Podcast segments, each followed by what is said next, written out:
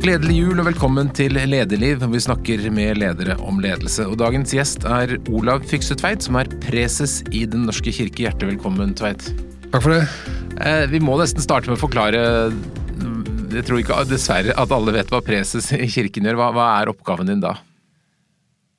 Det er jo å prøve å få biskopene til å samarbeide om sine oppgaver, og ellers å bidra inn i ledelsen i kirka med det som vi som biskoper kan bidra med. Men også være en som skal prøve å representere kirka utad, både i Norge og ellers. Og i møte med andre kirker og andre religioner og andre som vil ha noe med oss å gjøre. Så, du... så, det betyr jo egentlig den, et sånn formann, eller gammeldags leder av et møte. Ja. Eh, men det er jo den tittelen man har valgt, og derfor er den knytta opp til bispemøtet og biskopenes rolle. Og du er den andre heltidsansatte preses som vi har? Ja. Eh, Helga Haugland Byfanglin ble utnevnt til dette når den stillingen ble oppretta som en fulltidsstilling. Ellers var det en, et verv som gikk på omgang mellom biskopene. Dette, du har helt sikkert hatt, du har hatt ditt første år i år, vi skal snakke litt mer om hvordan det året har vært. Men, men la oss starte litt med julen. Nå har det vært eh, julaften, som jo tradisjonelt er den store kirkedagen for veldig mange. Ja. Det har vel aldri vært så få i kirken på julaften, men kanskje aldri vært så mange som har hatt tilgang til gudstjenesten. Eller er en veldig spesiell jul? Alt er jo spesielt i år. Så vi kommer til å huske denne jula også. Forhåpentligvis kommer vi til å huske for at det var noe som var fint, eh, og kanskje noe vi lengta etter som, eh, som, kanskje kan eh, bli mulig et annet år. Det, det, er veldig mange som ønsker at vi kunne være i kirka. Mange flere enn de som kunne være her. Og ikke minst fra kirkas side så har han jo vært litt lei seg for at restriksjonene ble sånn som de ble. Men, men altså, vi er i en situasjon der alle må bidra til at denne pandemien blir eh, bekjempa. Og da, da, må vi leve med det også. Men eh, jeg tror at mange kanskje har opplevd eh, to andre ting rundt jul i år. Da. Det ene er at, at, det er faktisk veldig fint å, å, prøve å gjøre litt jul ut av det hjemme òg. og Helseministeren sa at vi får, vi får henge opp ei stjerne litt tidligere i år. Og Det tror jeg mange har gjort. og liksom Prøver å være litt i den der julemodusen litt, litt lenger. også fordi en må være mer hjemme. Uh, og, og, Det er jo en gammel tradisjon i Norge sant? å synge julesanger hjemme og lese juleevangeliet hjemme. Og, det, altså, det, er ikke bare når vi er i kirka at vi har en slags uh, kristelig jul. Men det andre er jo at uh, jeg tror mange har opplevd at, at det, er, det, er, noe som vi, som vi, har bruk for, som er litt mer enn disse her daglige tinga. Og at det da ikke, ikke kunne gå i kirka, ikke kunne ha det som en del av julefeiringa, blir et savn. Da håper jeg et savn som fører til at vi, at vi samles neste år. Kommer sterkere tilbake, ja. ja helt klart. Ja. Men du, du, overtok jo altså denne jobben tidlig i 2020, og hvordan, det, det året ble jo veldig annerledes. Så tenkte jeg Fortell litt hvordan har året vært for deg og, og for funksjonen din og for kirken? Ja, altså, jeg leda jo en, en sånn verdensorganisasjon for kirke fram til 1. april.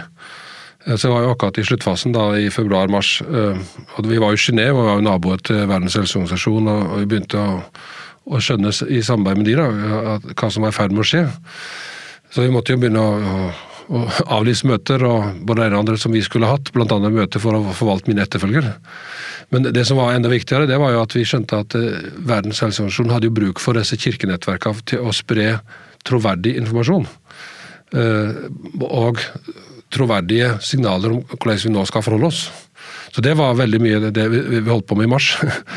Kirken har vært en, en budbringer? Ja, og jeg tror at, for at mange i WHO sa at de, de tror mer på dere enn politikere i mange land. Eh, derfor var det veldig viktig at Kirken ikke liksom begynte å opponere og liksom, nei, vi tror på Gud og vi, dette går bra og sånn. Men mm. altså, tenker nei, vi tror på livets Gud, og da skal vi gjøre det vi kan for å berge liv, vi også. Da, var sånn, det på noen måte noe kontroversielt? Ja, litt kontroversielt. Altså, vanskelig for, det, for mange er jo det å gå i kirka på søndag enda mer betydningsfullt enn, enn kanskje for oss på julaften. Mm. Altså, det er da man virkelig liksom samles og, og, livet er en fest. Og da å være tett sammen og feire nattvær og i forskjellige kirkelige tradisjoner så betyr dette veldig mye. Eh, så det var veldig hardt for mange å si at nei, nå må vi holde oss hjemme, eller la være å gjøre sånn og sånn. Men eh, de fleste fikk besinna seg da, og tenkt over. og jeg tror også det Kirker for eksempel, i deler i Afrika og, og Latin-Amerika fikk litt lengre tid til å forberede seg. Fordi vi, vi prøvde å dra dem inn i denne samtalen før, før dette slo veldig ut der. Men eh, forhåpentligvis har de da også vært i stand til å hjelpe folk til å takle dette, ikke bare sånn praktisk, men også moralsk. Sant, å holde moralen oppe. Men jeg vet jo at mange kirkeledere rundt i verden er jo, er jo døde av dette. Eh, så det er, jo, det er jo dramatiske tider for mange. Mye mer enn for oss. Og for din inngang i denne jobben, det ble litt annerledes det òg, da? Ja da, så det var litt spørsmål om uh, hvordan Det skulle vært en sånn innvielse og vigsling i, i april. Uh, det skjønte vi at det, det gikk ikke. Da var, jo, var jo ingen som hadde gudstjeneste noen plass.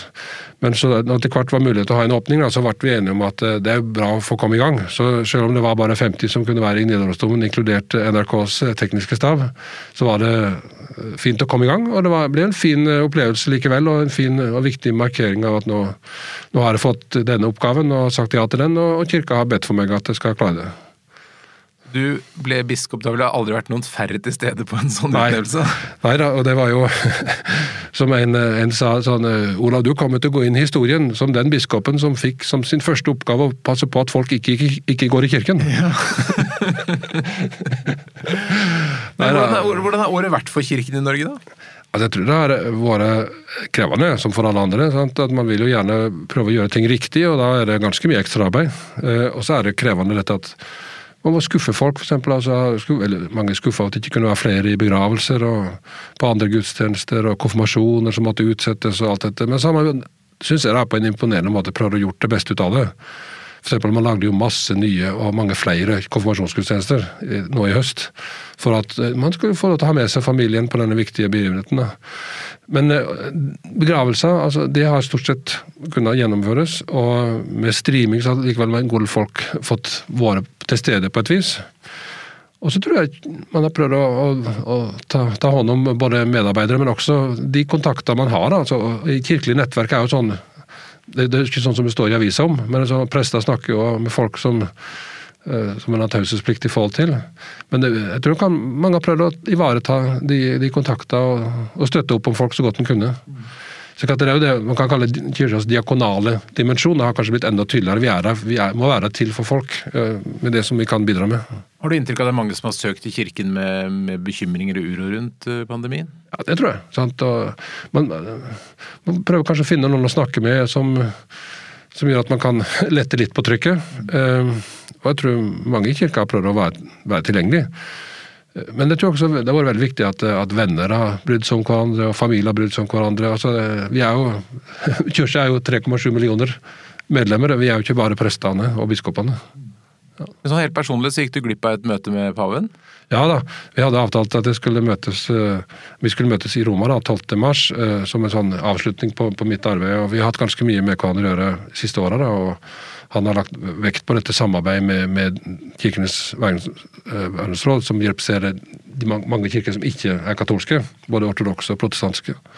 Men så var det, men det som var viktigere, tenker jeg, det var jo at vi vi hadde etablert en relasjon over flere år som kan gå videre, mm -hmm. og ikke avhengig av meg.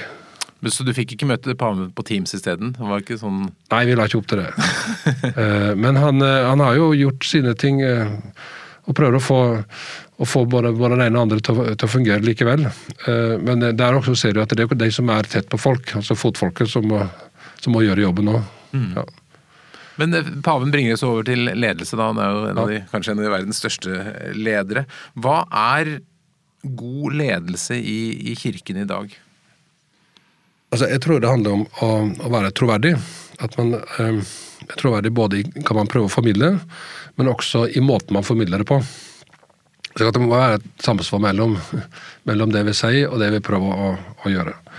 Så Derfor så uh, tror jeg det handler veldig mye om å, å, å at kirka er der for, for, folk. Sant? Altså At ikke vi blir sjølopptatt, men at vi viser at vi, vi, er, vi er, til for, for, de som har bruk for kirka, og som er, er medlemmer. Og, og, som kanskje ikke, ikke, er det heller, men som, som ser litt til kirka for hva vi har å bidra med. Altså oppgaveorientert. Eller kirka kaller man mission. da. Mm. Altså, at det er det som driver oss. At det ikke, det ikke er liksom hvem skal styre og sånn, hvem som er det viktigste. men hva er det vi kan få gjort for de som vi er til for. Uh, og Min, min som, filosofi på det har vært akkurat som når du skal lære å sykle. Altså, Du må ha framdrift for, for å også holde balansen eh, og komme noen vei. Altså, Det er ikke nok å bare tenke på balansen liksom, og holde liksom, ting i orden. Du må, du må framover. Og det, det, tror jeg all, all, ledelse handler om. Det var en veldig fin metafor, jeg har aldri hørt før. Eh, men mm, fortell meg litt, hvordan, hvordan ønsker du å være som leder? Har du noen tanker når du, for eksempel, når du går inn i rollen og skal da lede bispemøtet? Har du noen tanker om hvordan du vil være for dine kolleger? Altså, de er jo ressurssterke personer og har veldig mye å bidra med. og Det, det er vel en sånn grunnleggende erfaring jeg har hatt, at hvis du skal lede noen, så må du høre på dem. Og, og, prøve å få dem til å bidra med det beste de har. Og gi dem inntrykk av at du stoler på at det faktisk det er det de vil. Uh, og det, det, er ikke så vanskelig i forhold til så, så sterke personligheter og, og ledere som biskopene er. Men de også har bruk for å finne måter vi kan opptre sammen på og gjøre ting sammen på. Og Da er det viktig at det er en prosess der jeg, jeg sier ja, vi, må oss, prøve å komme oss dit, men nå må vi komme oss dit sammen. Eh, og Derfor også ta nødvendig tid for å drøfte de viktigste spørsmålene. Og så handler det om å prøve å finne riktig timing og riktig, og riktig form da, på utspill som vi skal ha sammen. Uh, og så må vi ikke alltid være så redd for at, at noen vil kritisere oss. Altså, vi, vi, må stå for noe som, som vi står for. Ikke, være, ikke for, for å provosere, men altså for, for, at det er noe som er viktig, så må vi også prøve å få det fram. Hvor mye tid har dere sammen i løpet av året? Nei, vi har jo tre sånne uh, litt lengre bispemøter. Uh, det ene i hvert fall er ei uke. Nei, to, to de er ei uke, og så ett et er litt kortere. Så I år så fikk vi ikke til det vanlige på våren, men det vi fikk til var en retreat. Altså Vi, vi trakk oss litt tilbake uten å ha så veldig agenda, men for å snakke om eh, hva er det som nå er viktig for oss. Å be sammen, og gå tur sammen, og være pilegrimer sammen. og liksom oppleve, oppleve, fellesskapet. og Det var faktisk veldig viktig for meg siden jeg også var ny. da, At vi hadde, fikk, fikk til det og hadde tid til det. Og for oss som ikke er så helt bevandret i all Hvor mange er dere da? Mange Nei, Vi er tolv, da. Tolv biskoper. Ja. Kjønnsfordeling? Ja, det er 6-6. Eh, ja, ja, Så helt likestilt, faktisk. Veldig bra. Så det, det har Norske kirke gjort mye for, og bidratt bidra til i, i kirkeverdenen. Å vise at eh, kvinnelig lederskap passer, passer like så bra som menn. Mm. Så det, I den organisasjonen jeg var, så var jo Norsk kirke på en måte ledende. Var ikke, jeg tror ikke det var noen som hadde så stor andel kvinnelige ledere. Det blir ikke stort bedre enn det, i hvert fall. Men, men hvordan ønsker du å være for dem? da? Hvordan vil du at de skal se på deg som leder?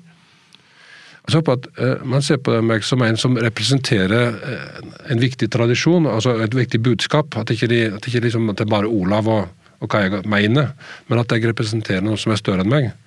Men at de gjør det på en sånn måte at, at uh, de skjønner at jeg er også et menneske. Jeg, jeg er ikke en annen kategori.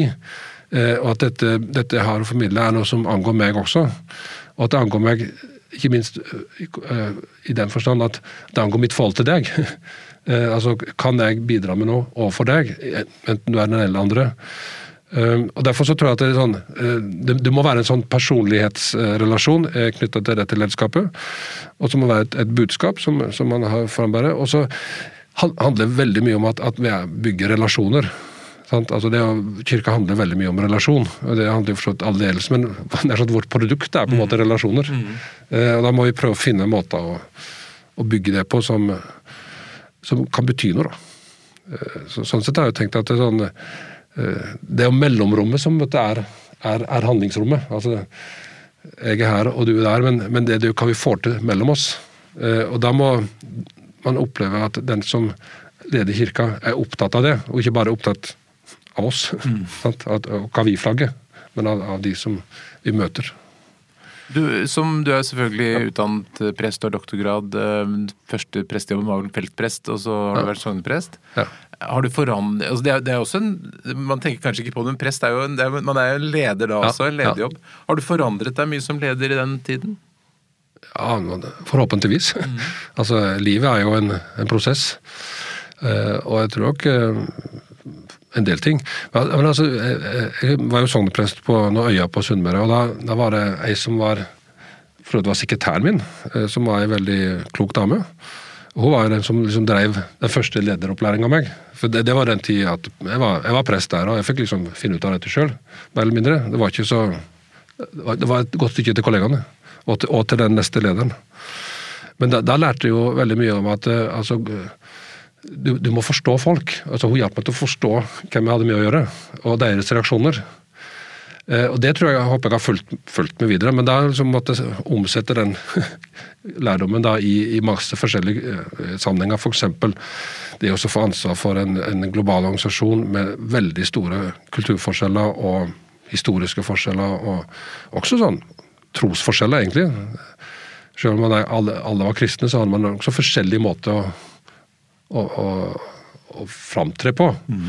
Uh, men også til dels hva man mente om mange ting. Så, så det, altså jeg tror den prosessen og den, den type lederskap gjorde at jeg måtte, jeg måtte lære å bli Jeg måtte tørre å være med sjøl. Jeg skjønte jo det når jeg kom inn i den rolla som jeg var litt overraska at egentlig ble valgt til det. Altså, det eneste valget jeg har, er jo å være med sjøl. Men da må jeg både være meg sjøl i å være åpen, men også være fast. Uh, og, det er en sånn Jeg tror jeg har blitt litt mer fastere og litt mer tydeligere. Uh, jeg har aldri vært glad i konflikter, men uh, jeg tror at veldig mye handler om å, å legge premisser for at vi kan komme oss videre uten å måtte sette alt på spissen.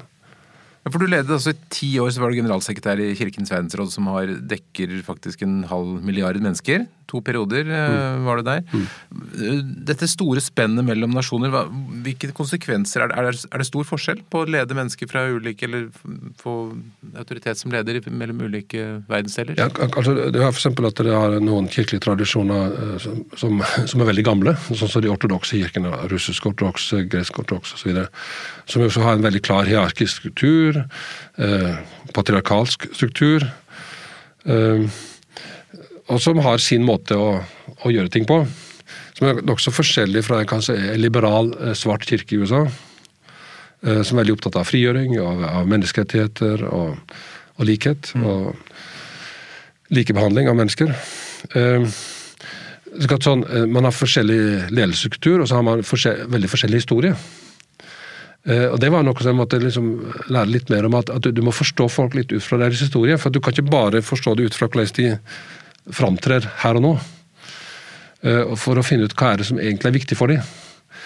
Og så lærte jeg en annen ting som jeg, som jeg, tror jeg må bruke i alle sammenhenger. det er at Uansett hvem de er, så er de mennesker. Og vi har noe felles som mennesker som gjør at vi kan forstå hverandre. Selv om vi opplever denne dramatiske forskjellen av og til. Lærte du noen, noen, noen, grep for å bygge bro mellom folk med ulike ja. interesser? Altså, jeg tror, altså, i, i, den organisasjonen så hadde den faktisk utvikla en sånn uh, prinsipiell konsensusarbeidsmåte. Uh, at uh, store vedtak skulle fattes ved konsensus. Uh, det var litt for at man ikke skulle bare bli nedstemt fordi man var litt færre uh, fra det ene eller andre. Og det, det krevde jo at da, må, da, blir jo forarbeid mye viktigere. For da må man passe på at, at alle forstår hva man prøve å oppnå. Og de må bli motivert for det. Og de må ha en følelse av at deres synspunkt og deres anliggende er tatt med. Så det, det krever mye mer forarbeid. Eh, men da kunne man også komme til viktige felles beslutninger. Så det betyr at du måtte på en måte sikre ja, måtte at, alle, at, at, du visste hva alle mente? Ja, det var ikke nok å møtes liksom sånn og finne ut om hva, hva folk mente. Du måtte, måtte, jobbe med det på forhånd. Ja. Men, det andre som jeg synes jeg lærte en del av, det var at eh, du må la folk liksom få spille seg litt ut. Altså, Du må ikke liksom legge lokk på folks uh, meninger og, og måter å framtre på. Og så, uh, Det tredje var at du, vi må ha noe annet enn det å, å ha meninger når vi skal, vi skal, bygge fellesskap. Derfor så var det viktig eksempel, at jeg brukte min rolle til å besøke kursene der de var. Altså, det var veldig forskjell på å ha en representant fra ei stillehavsøy i Genéve og å være på Samoa. For at de skal forstå at det er en del av et fellesskap. Slik at det, det å ikke liksom bare at, at fellesskapet betydde at vi satt i et stort rom uh, og diskuterte et eller annet. Men at var, at jeg var der, at jeg var med på gudstjenesten deres, at jeg møter ungdommen deres. Altså, at, at, Du må få, få flere dimensjoner da, inn i et fellesskap for at det skal fungere. Uh, og Derfor må uh, folk måtte komme med sine uttrykk. Da, uh, både kontekstuelt og, og teologisk. Og, og, si ja, ja, dette hører hjemme her. Altså, alt, alt, hører hjemme her, men vi, vi, vi, vi, bidrar til et fellesskap. Vi bidrar ikke her bare for å markere oss sjøl. Men det høres jo ut da, hvis du, hvis du på en måte skal ha alle til å være enige, og du skal hente ut veldig mye det. Det høres ganske tidkrevende ut? Ja, det var det og det. Men jeg tror at den, den type fellesskap man skulle prøve å bygge, da, eh, altså et tillitsbasert, eh, solidarisk fellesskap eh, som skulle tåle litt påkjenninger, så var det verdt innsatsen. Eh, jeg oppfatta at Da jeg kom dit for ti år siden, så var dette med tillit et krevende tema. Hadde man egentlig tillit til denne organisasjonen, at den hadde noe å bidra med? Og Da tenkte jeg ok, da er min kanskje viktigste oppgave er, er at man bygger tillit til det, slik at man faktisk både ser at dette betyr noe for en, og at en tør å bidra sjøl. Og, at en har noe å bidra med. Men ellers så, så er jo eh, det kommer litt an på hva, hva produktet skal være. og Produktet her var jo at man skulle komme med troverdige bidrag f.eks. overfor FN-organisasjonene, sånn som overfor WHO. Sånn at, at, vi er en troverdig kanal som, som kan bringe noe. Ikke bare liksom, Guds ord, men også viktige menneskerettighetsprinsipper eller andre, andre ting inn i, inn i de sammenhengene. Og da, det tar tid å bygge opp en sånn tillit og en sånn status.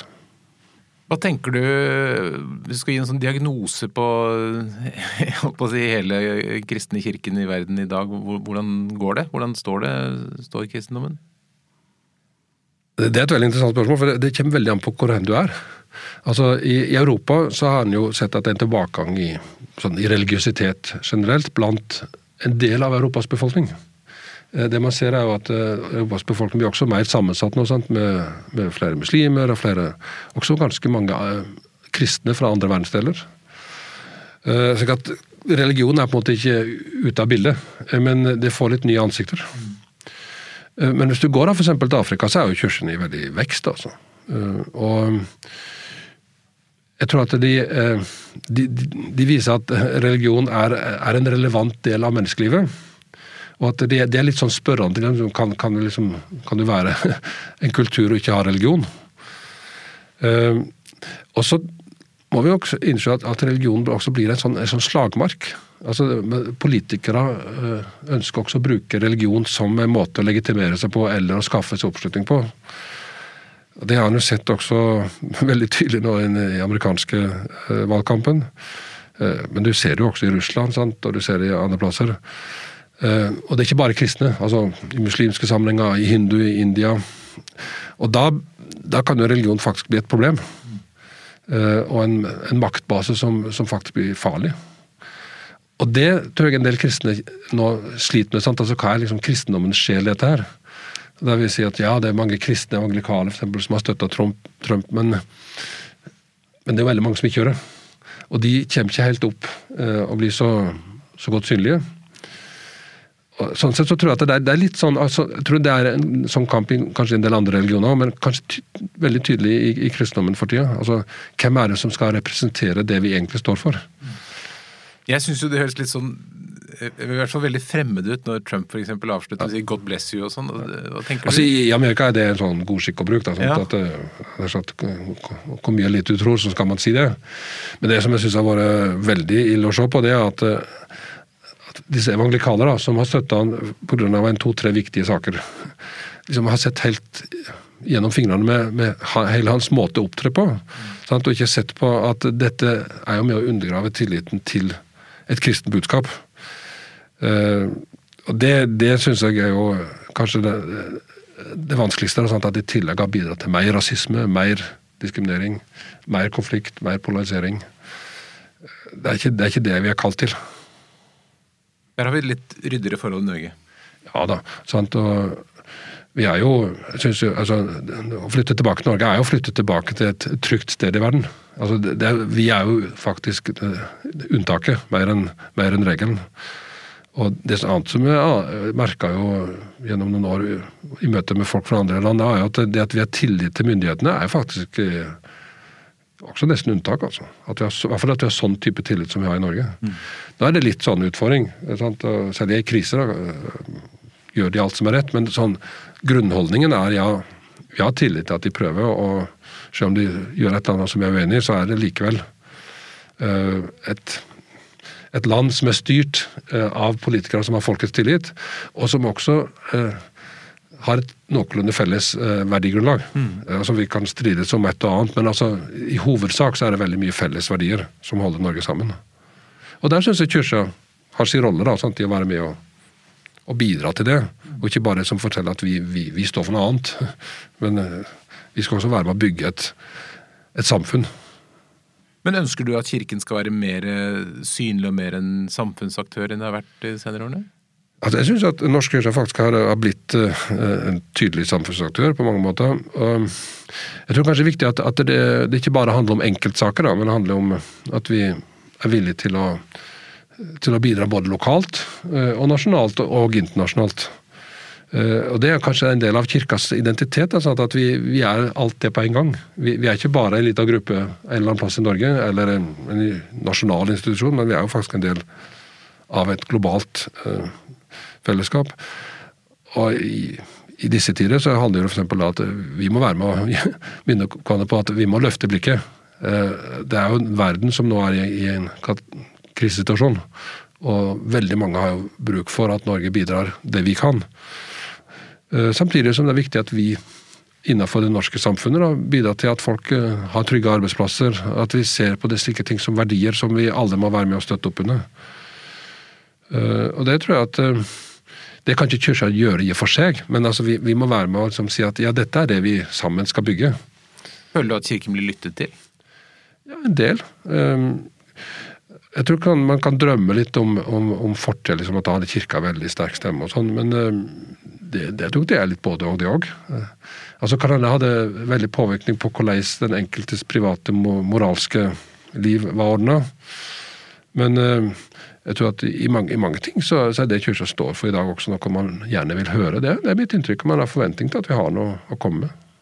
Det er vel en endring der hvor, hvor man før var på en måte underordnet religionen mer sånn fryktbasert, til at det nå er et, et, et, et mer et tilbud? Som ja, sant, altså, vi, er jo, vi er jo en annen tid og en annen kultur på mange måter. Sant? og eh, det er, ikke, det, er ikke sånn bare fordi presten har sagt det. Altså, det, det er veldig forskjell på. Uh, så Det er kanskje ikke derfor folk kommer i kirka, for liksom å få vite hva, hva, presten mener. Men mer uh, hva, hva, presten har å bidra med. Og, og vi sammen kan bidra òg. Jeg tror også at det, eh, det, er mange som hører på kirka i mer, i mer eh, si, private og personlige sammenhenger uh, enn det man gir uttrykk for i det offentlige. Jeg tror for at Det betyr veldig mye for folk hva som skjer rundt en begravelse. Altså, det er ikke fordi presten har svar på alle spørsmål, men det er fordi at man, man, man har noe å komme med som, som også er viktig. Mm. Ja. Men det, det, er ganske sjeldent at folk flagler noe særlig, særlig snakker særlig høyt om uh, sin kristendom og sin påvirkning. Jeg snakker her i ledelig, ja. masse ledige. Det er veldig få som på en måte er ja. åpent kristne og sier at de henter inspirasjon fra Bibelen, ja. f.eks. Ja, og det, det, er, det, er, jo en del av det vi kaller sekularisering. og sånt, At det, det er litt mer fjernt. Mm. Um, uh, og no, noen av de som bruker det veldig åpent, kan også gjøre det på en måte som at man av og til kanskje liksom uh, det, det, det, er ikke så rett linje, kanskje, mellom, mellom det ene og det andre. Um, vi er, vi er også del av en kultur der, der, kristne verdier har spilt en rolle. Altså menneskeverd og respekt for hverandre og sånn. Uh, vi kan ikke si at det er bare kristne verdier, men det, det er en del også av vår kristne tradisjon. Um, jeg vil nok også si et sånn uh, Man kan være en veldig god leder uten at man har en spesiell referanse til kristendommen. Uh, og Det har litt med sånn vår forståelse av at uh, vi er kalt til å fylle de oppgavene som vi har. Sant? Enten vi er leder eller uh, snekker eller politiker eller hva det er. ut fra våre evner og, og muligheter. Og det, det, er de vi skal bruke da, til vår nestes beste. Og Da trenger man ikke bruke si, religiøse og kristelige ord for å fylle den oppgaven på det som jeg mener også er en god kristen måte å gjøre på. Men hvis man da velger å, å snu seg til Bibelen da, å, ja. eller til kirken for å bli en god leder, øh, hvor, hvor er det gode, led, god ledelsestips å finne i Bibelen f.eks.? Er Jesus et godt forbilde? Ja, altså Det er jo mange, som, finner, det er mange som finner inspirasjon øh, liksom, til lederskap i ja. å se på hvordan, hvordan det, det, blir beskrevet av han, eller hvordan han framsto. Hva var bra med Jesus som leder?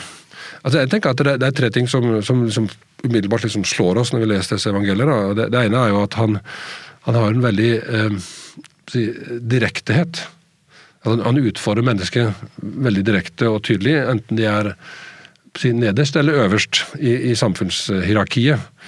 Eh, så han, det, det, er en sånn uredd og, og modig måte å framstå på.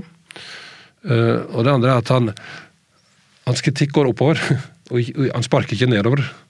Eh, men han ser de som da er utstøtt eller eh, diskriminert eller definert som, som, utenfor, og kan relatere til de og dra de inn igjen i fellesskapet. Så han har en omsorg for, omsorg for, for de som, som, andre ikke aksepterer, eh, på en måte som, som, er veldig god ledelse. Og det tredje tenker jeg at han, at han, han setter i gang eh, tankeprosesser hos folk. altså Han brukte veldig mye billedspråk og lignelser for å få fram sine, sine poeng. Og Det gjør at, at han overlater jo også litt til oss da, sant, å finne ja, men hva betyr det så for meg. Eh, det, det, er ikke liksom en sånn dogmatikk i 1, 2, 3, men det er mer sånn det, eh, Prøv å forstå nå eh, hva dette handler om, og så bruker han en, en billedfortelling for å si det.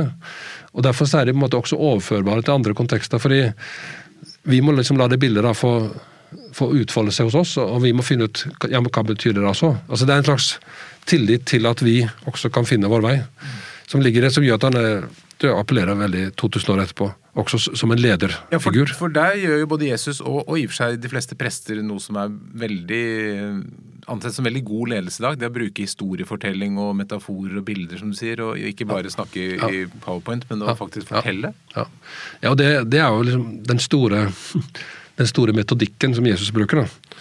Han, han holdt jo tale, men det var jo nesten bare billedtale. Men det lever jo i kirken den dag i dag. Ja, og jeg tror at det er litt av en måte kirkens skatt. At vi har en sånn evangelietradisjon som, som, er, som er fortellinger og bilder. og og for så vidt også skildringer av, av debatter eller diskusjoner mellom Jesus og andre. Altså møter mellom han og andre, enten det er ledere som blir utfordra, eller det er folk som blir uh, inkludert. Uh, og jeg synes jo at det, det gjør at sånn, vi, vi blir liksom ikke ferdig med med å fortelle dem. Eh, fordi de, de, får en ny mening i, i, forskjellige sammenhenger. Og Det var litt av det jeg så også når jeg var leder i en global organisasjon, at disse fortellingene lever jo sitt liv i all slags kontekster, og man lager nye bilder og nye, nye måter å fortelle dem på. Men har du noen favoritt? Altså Du skal plukke frem Bibelen i julen og lese en, en eh, bit, en historie som har eh, kanskje relasjon til ledelse. Hva skulle det vært? Altså, det, det er jo en... Eh, i, i dette Lukasevangeliet der vi leser kapittel to på julaften. Mm. Som er jo en, en, sånn vakker fortelling. altså Den har så mye vakkert i seg, og bilder og som liksom skaper assosiasjoner til mange ting. Og, og det er veldig, veldig sånn menneskelig. Eh, så kommer det et par kapittel lenger ut, da Jesus eh, er blitt voksen. Og så uh, står det at han, han, deltok da i synagogen, deres gudshus. Uh, og så står han fram der, og så blir han bedt om å lese fra en av disse tekstene fra en profet. Og da, da er det jo en veldig sånn dramatikk i det, for han, han, leser, og det, det, han leser er en tekst om, om at, eh, at, Gud har, at Herren har kalt meg til å forkynne et, et godt budskap for fattige, at uh, fanger skal få frihet, og blinde skal se. altså En veldig sånn frigjøringstekst.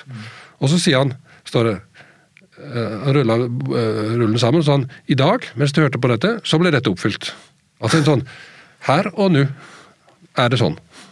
Altså en veldig sånn derre eh, dramatisering av, av, en tekst. og si at ja, men den teksten, det er livet her og nå. Og så sier han med en veldig sjøltrygghet som, som, som, gjør at de blir helt forvirra. Eh, så spør de om det er ikke etter sønnen til Josef. Altså, er ikke etter en snekker? Sant? Altså, hva er dette her? Og da, altså Den der evnen til å overraske, men, men, å knytte det til noe som har legitimitet.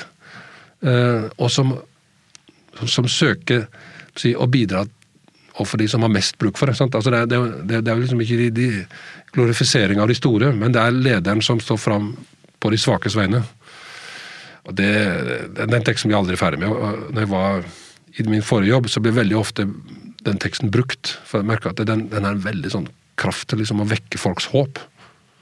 Om at ja, dette kan jo bli annerledes. Det trenger ikke være sånn. Spennende.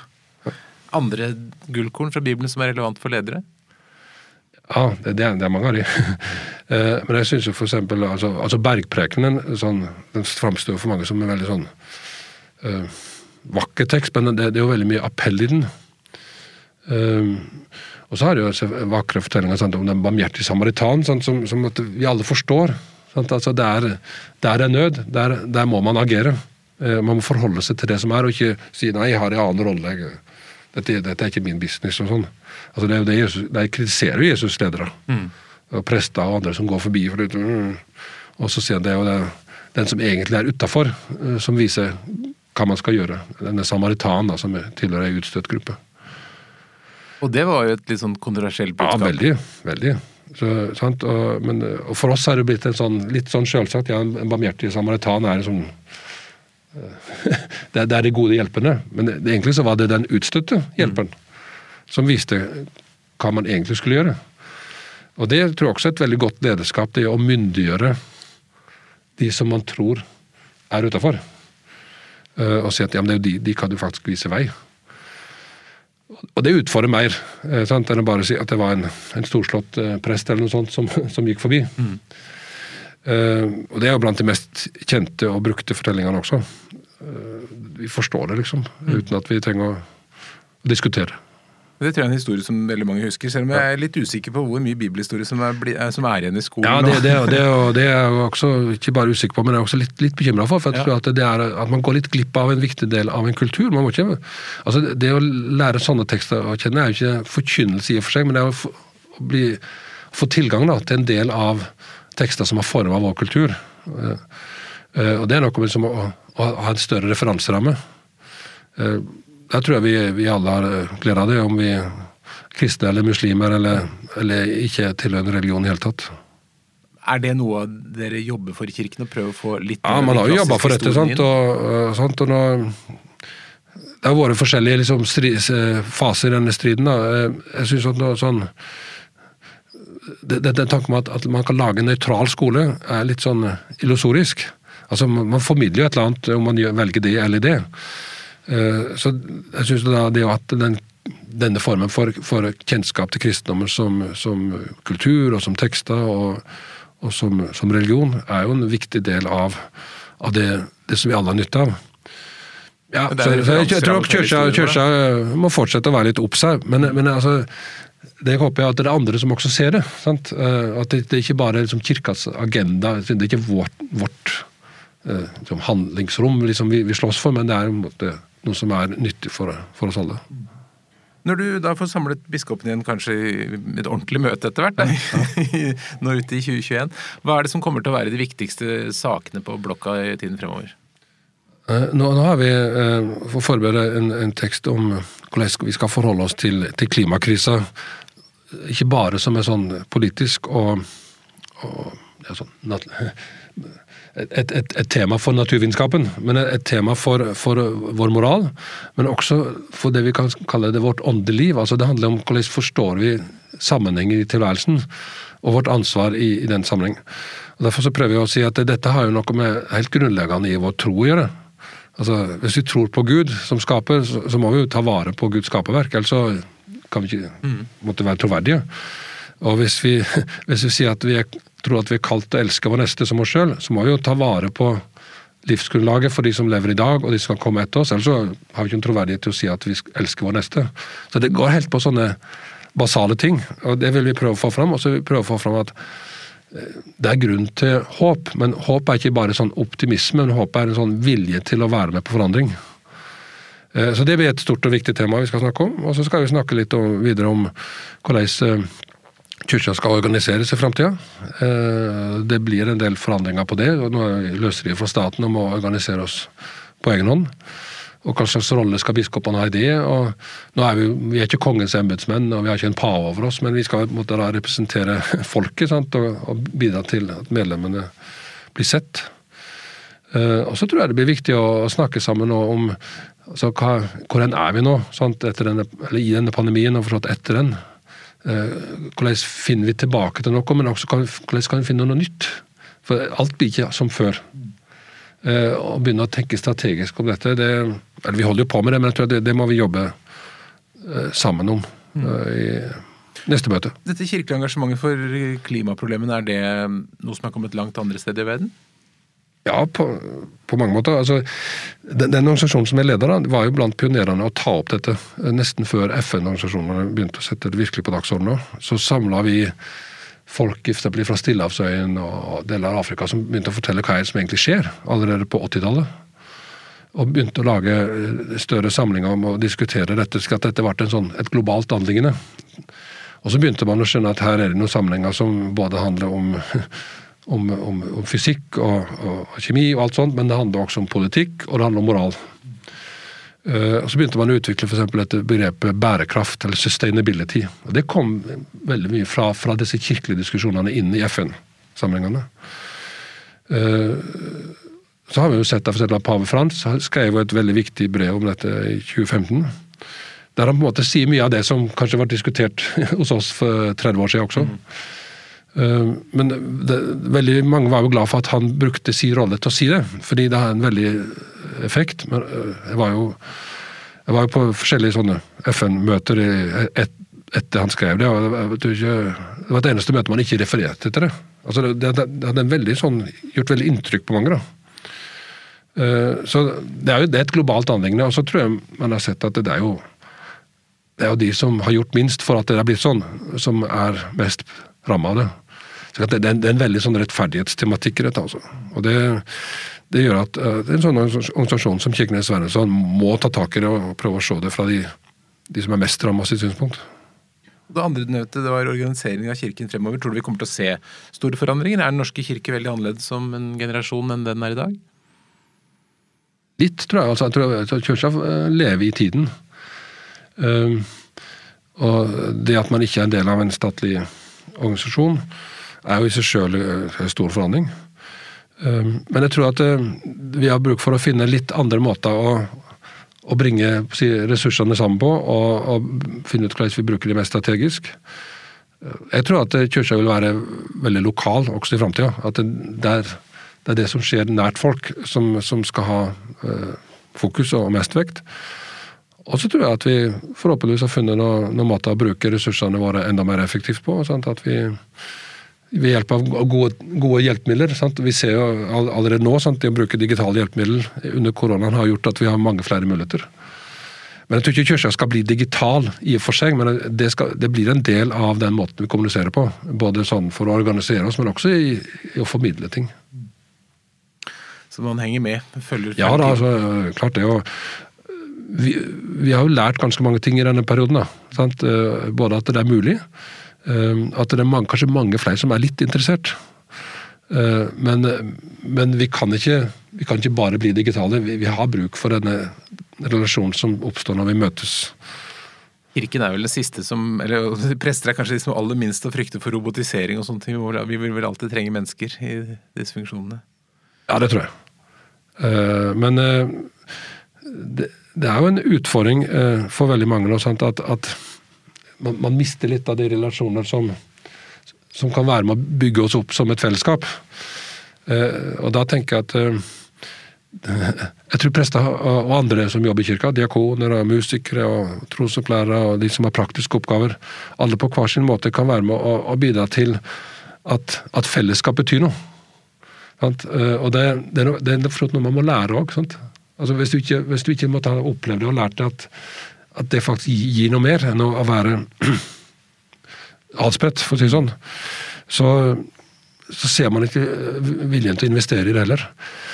Og Der, der kurser sammen veldig mange andre eh, organisasjoner litt sånn pressa for tida. Altså, men samtidig så tror jeg denne frivilligheten i Norge og viljen til å ha dugnad og gjøre ting sammen, eh, vil også prege kirka i framtida.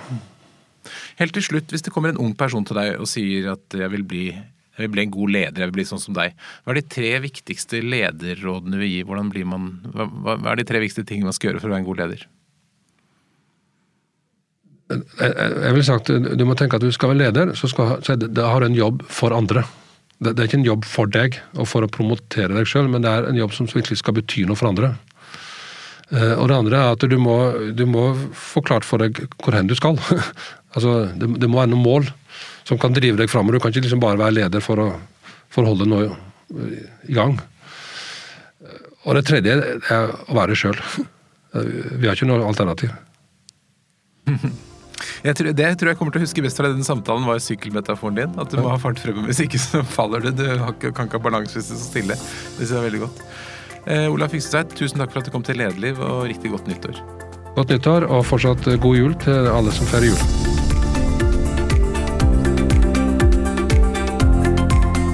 Lederliv er en podkast fra Apeland. Redaksjonen består av Ellen Paulsen, Lars Jarle Lars Volden og meg, som heter Ole Kristian Apeland. Hvis du vil høre mer, så trykk abonner. Da får du varsel når det kommer nye episoder. Og hvis du har noen tips, så send en e-post til tips at eller til meg, ole. Takk for at du lytter.